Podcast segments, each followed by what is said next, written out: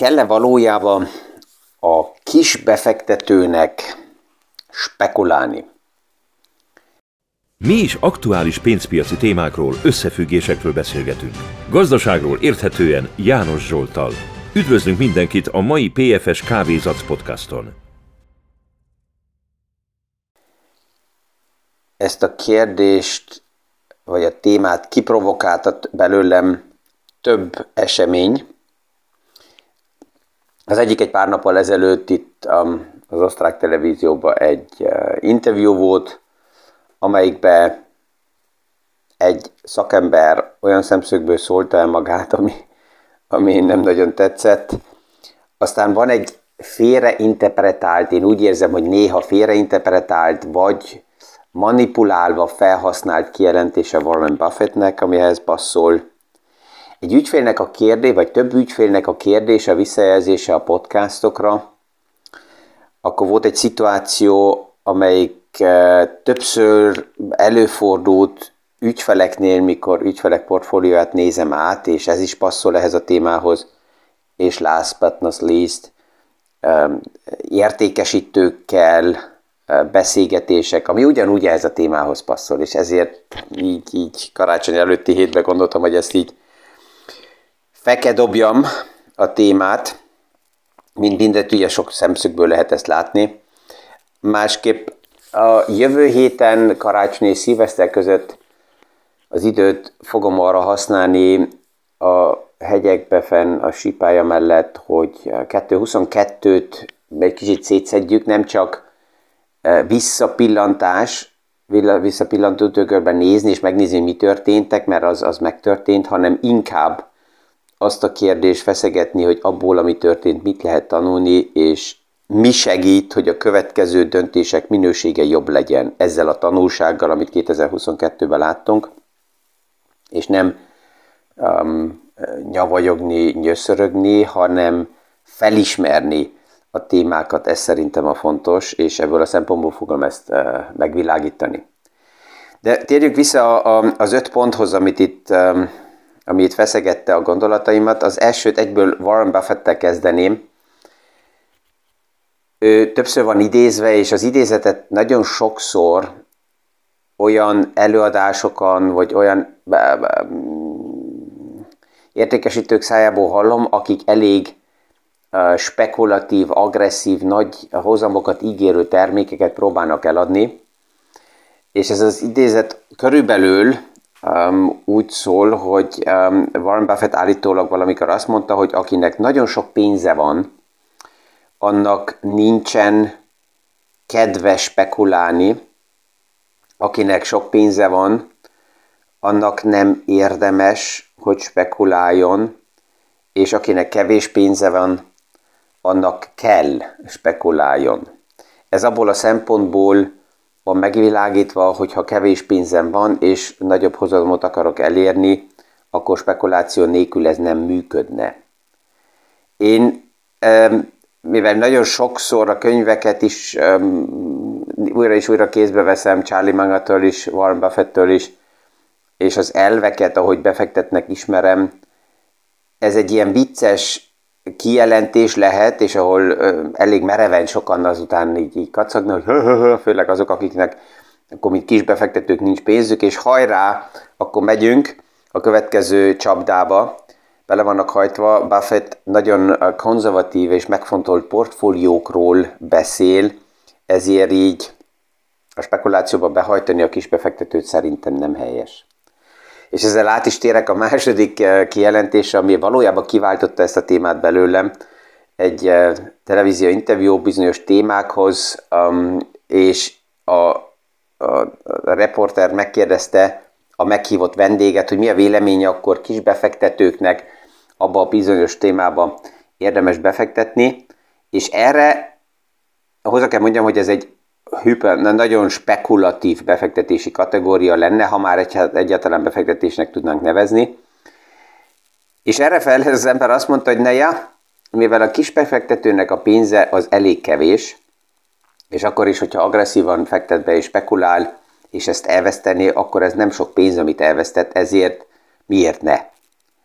és ez így kiverte bennem a biztosítékot, mert hát persze, hogy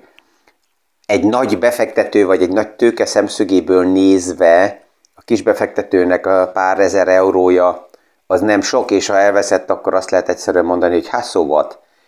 De neki ez lehet, hogy a, a, a biztonsága, a tartaléka, neki ez nagyon sokat jelenthet. És ezért mm, bele, kez, bele kellett szóljak ebbe a, ebbe a kijelentésbe, mert ezzel e, látom azt, hogy éveken keresztül, évtizedek óta belemanipulálva vannak kisebb befektetők olyan termékekbe, remény eladáson keresztül, ami már az első pillanatból kezdve nekik nonsens. De ezt a témát, hogyha, hogyha csak minden emoció nélkül csak a számok oldaláról szeretném megközelíteni, akkor azt is érdemes szerintem kézbe venni, mert nézzük meg, hogyha valójában sikerül egy kis befektetőnek, ja, és, és a másik az, hogyha néha nagyon agresszív befektetésbe valaki belemegy, és ott szerencséje van, akkor nagyon-nagyon sokan összetévesztik a szerencsét a képességgel. Mert az, hogy valaki eh, játszik, és azt mondja, hogy oké, okay, kipróbálom, és azután bevallja, hogy ez csak egy lucky punch volt, egy szerencsés lépés, de nem, semmi köze nincs a, a képességhez, akkor az rendben van, de hogyha ez össze van téveszve, az mindig veszélyes. Ezért történik az meg, hogy általában, akik például a lotóban nyernek, azok, vagy a kasszibóban nyertek, azok egy jó idő után anyagilag rosszabb helyzetben vannak, mint azelőtt, mert egyszerűen az arra a helyzetre nincsenek felkészülve mentálisan, és nem is tudják kezelni. De, de most, hogy egy kis befektetőnek sikerülne tényleg ez a, ez a sztori, akkor nézzük meg, hogy ez számokban mit jelentene. És persze az azon múlik, hogy milyen életszínvonalt fog finanszírozni, melem állítani, hogy ha valakinek szerencséje van, akkor ha megvan az a nagyobb tőke, akkor nem azt a minimális életszínvonalat fogja esetleg élni tovább, mint ami az esemény előtt volt, de így a múlt héten ugye megnéztünk egy pár ilyen a modell szerinti számítást, hogy mekkora összeg szükséges ahhoz, hogy egy bizonyos havi összeget tudjak finanszírozni, és ha kiindulunk 2000 euróból, és azt mondjuk, hogy 2000 euró lenne havonta szükséges, akkor ezzel a 4 százalékos modellünkkel azt jelenti, hogy a 2000 euró, ez 24 ezer évente, tehát 600 ezer euró lenne 4 százalék hozamnál számítva alapjába, és az inflációt félrehagyunk, és mindent, ez egy nagyon, nagyon egyszerű odadobás, tehát 600 ezer euró lenne szükséges, hogy akkor az a, az a az, az az összeg meglegyen, amiért megérte a kisbefektetőnek erre a nagy kockázatra rátenni a pénzét. Nézzük meg, hogy mekkora hozam szükséges ahhoz, és persze a kérdés, hogy milyen összegből indulunk ki. Tehát, hogyha most azt mondom, hogy 5000 euró lenne az az összeg, amit a kisbefektető így félre tud tenni, um, és ebből reméli a nagy hozam robbanást, akkor 600 ezer euróig, elég egyszerű egyelőre a számítás, 120 szorosára kell emelkedjen ez az összeg. Ez azt jelenti százalékba átszámítva, hogy 12 ezer százalék növekedés. Persze, hogyha kevesebb összegből indulunk ki, mondjuk az 2000 euróból, akkor 6000 eurót, hogy elér, 600 ezer eurót, hogy elérjünk, ahhoz 300 szorosára kell emelkedjen az összeg, tehát 30 ezer százalékos növekedés. De most azt is nézzük meg, hogy mennyi idő kell erre. És maradjunk az 5000 euróból a 600 ezer, tehát a 120 szorosára.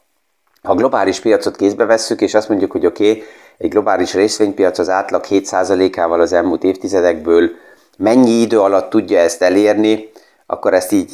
hétvégén megnéztem, 72 évig tartana ez a 7%-kal és a kamatos kamat hatásával. Ez azt jelenti, hogy majd 30 éves, hogyha full kockázattal bemegy a befektetésébe, és ezt reméli, akkor ez um, sikerülne neki 100 uh, éves korára, vagy 102-re, és akkor um, kvázi uh, élhet csak a tőke hozamából. De persze, hogy nem ezt a víziót adják el az agresszív értékesítőknek, a kis befektetőnek, hogy majd 100 éves korában, vagy 105 éves korában megérkezik um, a mennyekbe, hanem a pénzügyi mennyekbe, hanem ugye azt mondják, hogy 5 évre. Például. Na most 5 évre, hogyha 120 szorosát akarjuk elérni, akkor az azt jelenti, hogy ez évente lenne 160 százalék, és ez évről évre mindig 160 százalék. Vagy hogyha 10 évre kalkulálunk, akkor ez lenne körülbelül 60 százalék évente. Ezekkel a számokkal még lehetne sokat tovább játszani, ezt csak azt, azt teszem meg, hogy érezzük a nagy uh, hú, víziók mellett, hogy, hogy mit jelenthet csak tiszta számokba és a matematika oldaláról bizonyos hozamokat elérni, és mit veszek meg. És hozzá kell mindig mondjam, hogy a globális gazdaság növekszik aktuálisan úgy 0,5 és 2 százalékkal, és akkor ehhez képes valaki ígér 100-120 százalékos, és nem csak egyszer, hanem éveken keresztüli növekedéseket, akkor érdemes elgondolkozni. Um, a harmadik kijelentés, hogy oké, okay, amikor így meghallgatják a podcastokat, akkor azt lehet hallani, hogy oké, okay, ez arra van felépítve, hogy egy vagyont megőrizni, de hogy ebből gazdag legyek, ez, ez nem működne. A kérdés persze mindig az, hogy mennyi időt adok magamnak. Utoljára, amikor ezt egy ügyfél mondta, hogy de hát ebből nem lehet meggazdagodni, akkor kérdeztem, hogy oké, mi az elképzelése, mennyi, mennyi idő alatt szeretné, hogy ez működjön. És akkor mosolyogva azt mondta, hogy hát persze, ez nem megy már hónapra, de mondtam, oké, okay, mi lenne a kívánságos? Azt mondja, na ja, hát egy pár hónap, vagy egy év, oké? Okay? Tehát ez mindig a, a, az idő kérdése az, mert persze, hogy ha megvan a megfelelő idő és a kamatos kamat hatásával, az, az előbb is ugye láttuk, az átlag 7%-kal, 120-szorosára is tud növekedni a bizonyos alapvagyon, és hogyha nem 5000 eurót fektetek be, hanem mit tudom, 100 ezeret vagy egy milliót, akkor a dimenzió már más tud lenni. A kérdés mindig az, hogy mennyi idő áll rendelkezésemre, és ezzel az idővel addig mit tudok kezdeni, mennyire, mennyire értelmes az életem addig, amíg ez kialakul, és ez az egyetlen, amivel kialakulnék, és még van egy kérdés, amit sokszor felszoktam tenni, hogyha valaki meg akar gazdagodni, hogy azzal a pénzzel, amit azután elérne, vagy ami, ami, ami, amit meg, megszerezhetne, azzal mit kezdene? És hogyha az a válasz jön, hogy hát akkor egy részével, a pénznek egy részével um, e, képzéseket végnek, végeznék el, és szakmát váltanék, és más foglalkozásba mennék, akkor azt mondom, hogy nagyon jó, ez jó hír, ahhoz nem kell szerencsejátékra tenni a sorsomat, mert tanulni, fejlődni, képezni magam, bármikor tudom, tehát ez nem szükséges a pénz. Ma még kevésbé, mint egy pár évvel ezelőtt, vagy évtizedekkel ezelőtt. Tehát ez, ez mindig, mindig az a kérdés, hogy milyen szepszögből világítjuk ugye ezeket a pontokat meg. Menjünk a következő témához, mert ezek is nagyon érdekesek. A kis befektetőkhöz, mikor a portfóliókhoz érkezem, és nézem, hogy mi, mi, mi van a portfólióba, mit adtak nekik el, akkor egy sztori van nagyon sokszor ott a benne a portfólióba, hogy exkluzív termékeket építettek be, amire az volt a szöveg, hogy ez a termékhez normálisan csak a nagy befektetők férnek hozzá, de rajtunk keresztül mi, mint jók, ugye exkluzív termékkel megadjuk a lehetőséget neked, mint kisbefektetőnek is ide beszállni, az el van teljesen hallgatva persze, hogy az exkluzivitás általában azt jelenti, hogy túlhúzott belső költségek, és az alapbefektetés az nem is tudja kitermelni azt a hozamot, ami szükséges lenne, mert azelőtt akkor a belső költségek jönnek le,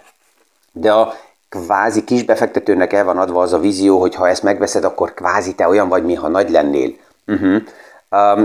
De alapjában sajnos a termék belső konstrukcióból katasztrofálisan van felépítve. Egy pár ilyen terméket kézbe kaptam, ahol nagy nevek adnak, vannak eladva alá, hogy akár, hogy itt Warren Buffettnek a filozófiája van benne. Uh-huh. A kérdés csak az, hogy a száz százalékból, amit befektetek, abból hány százalék érkezik meg abba a filozófiába, ami egyáltalán dolgozni tud, vagy csak ez egy marketing. És aztán van az utolsó, az ötödik kategória, ami ugye ezzel tartozik, és ez a eh, televízió interjúba fellépő szakember is inkább ennek, a, ennek az értékesítési csoportoknak a, a szóvivője lehet, akik így, így kimondják, hogy Ja, igen, János úr, én szeretnék ezekkel a témákkal foglalkozni, szeretném a tőkepiacot és érteni, hogy ez hogy működik, mert én kis befektetőknek akarok segíteni, mert hanem ők mindig kvázi lemaradnak, mert velük senki nem foglalkozik. És akkor azt mondom, hogy oké, okay, aha, hogy te ezt jól értem, akkor ön a kisbefektetőnek abban akar segíteni, hogy segíteni először, hogy ő felépítse a szükséges víztartalékot, biztonságra a tartalékot, ami kell azért, hogyha váratlan helyzetbe kerül, akkor, akkor likvid legyen. Ön szeretne a kisbefektetőnek abba segíteni, hogy a képességeit fejlesz-e, és értse azt, hogy mikor akarja valaki őt behúzni marketinggel, és mikor vannak a tények mögött. Tehát a két első lépés olyan lesz, ami biztos, hogy nem arról szól, hogy ön neki egy olyan terméket adna el, amelyikbe um, nagyon sok jutalék van önnek, és akkor, mikor ezt így elmondom, akkor lehet látni, hogy egy kicsit így elsáppad az értékesítő, és azt mondja, hogy jó, de ha én valamiből kell, akkor éljek is. Mondom, oké, okay, de akkor ne, ne azt mondjuk marketingesként, hogy akkor én a kisbefektetőknek akarok segíteni, akkor mondja ön azt ki, hogy ön szeretne magán, saját magán segíteni azon keresztül, hogy a kisbefektetőknek eladja, hogy nekik szeretne segíteni, és olyan termékeket ad a portfólióba, amelyik túl agresszív, túl spekulatív, mint befektetés, már csak azért, mert akkor lehet elterelni a figyelmet arról, hogy a túl drága terméket ő megvegye, Tehát szerintem, ha a kisbefektetőnek eh, segíteni szeretne, akkor, és, és ez nem kis vagy nagy befektető, a véleményem itt ebben a témában az, hogy minden befektetőnek, aki a témával nem foglalkozik, legelőször a lényeg az lenne, hogy egy olyan szakemberre beszélgessen el, akivel alapjából higgadtan, nyugodtan fel tudunk építeni stratégiákat, és tőlem mosolygunk és élvezzük, hogy a marketingnek milyen hatása van kín a tömegnél. De az ügyfelemet ne sodorja az a, az a víz magával, hanem, hanem eh, nézzük meg azokat a, a lépéseket és döntéseket, ami lehet, hogy a mainstream ellen van, lehet, hogy a tömeg ellen van, de alapjában az ő helyzetét uh, tudjuk megfelelően kezelni, tehát, hogyha összefoglalom ezt, a, ezt az öt témát, ami ugye így kiváltotta belőlem ezt,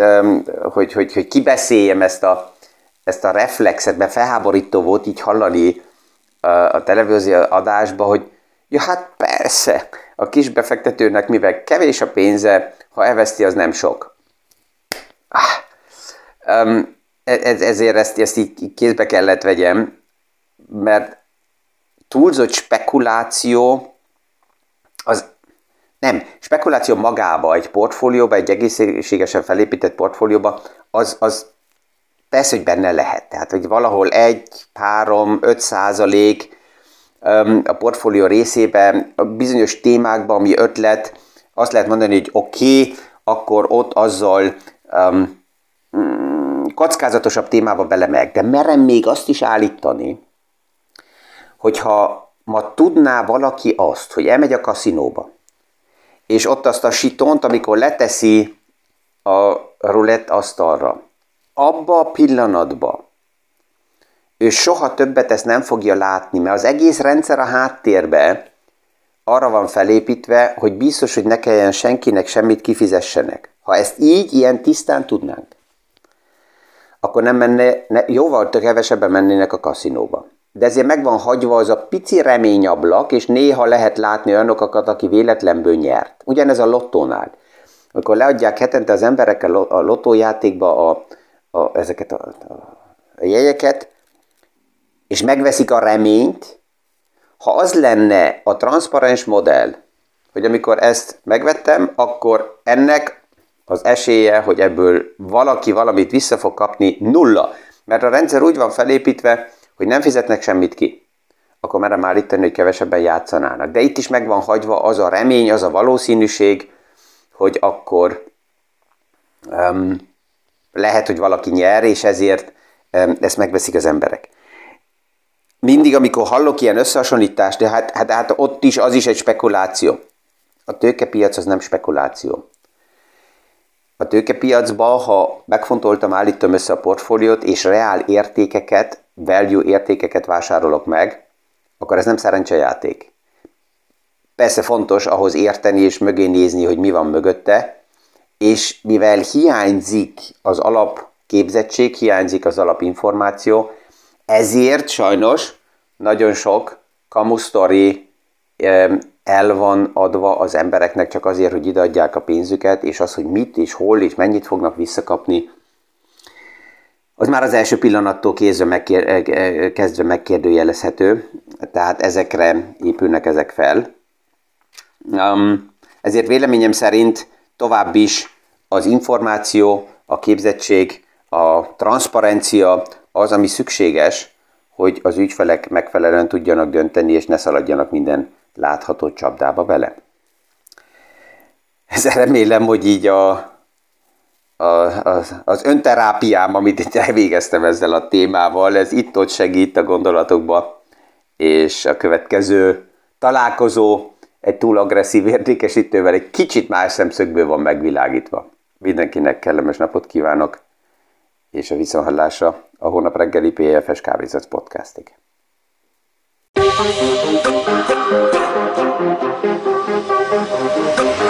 Yeah.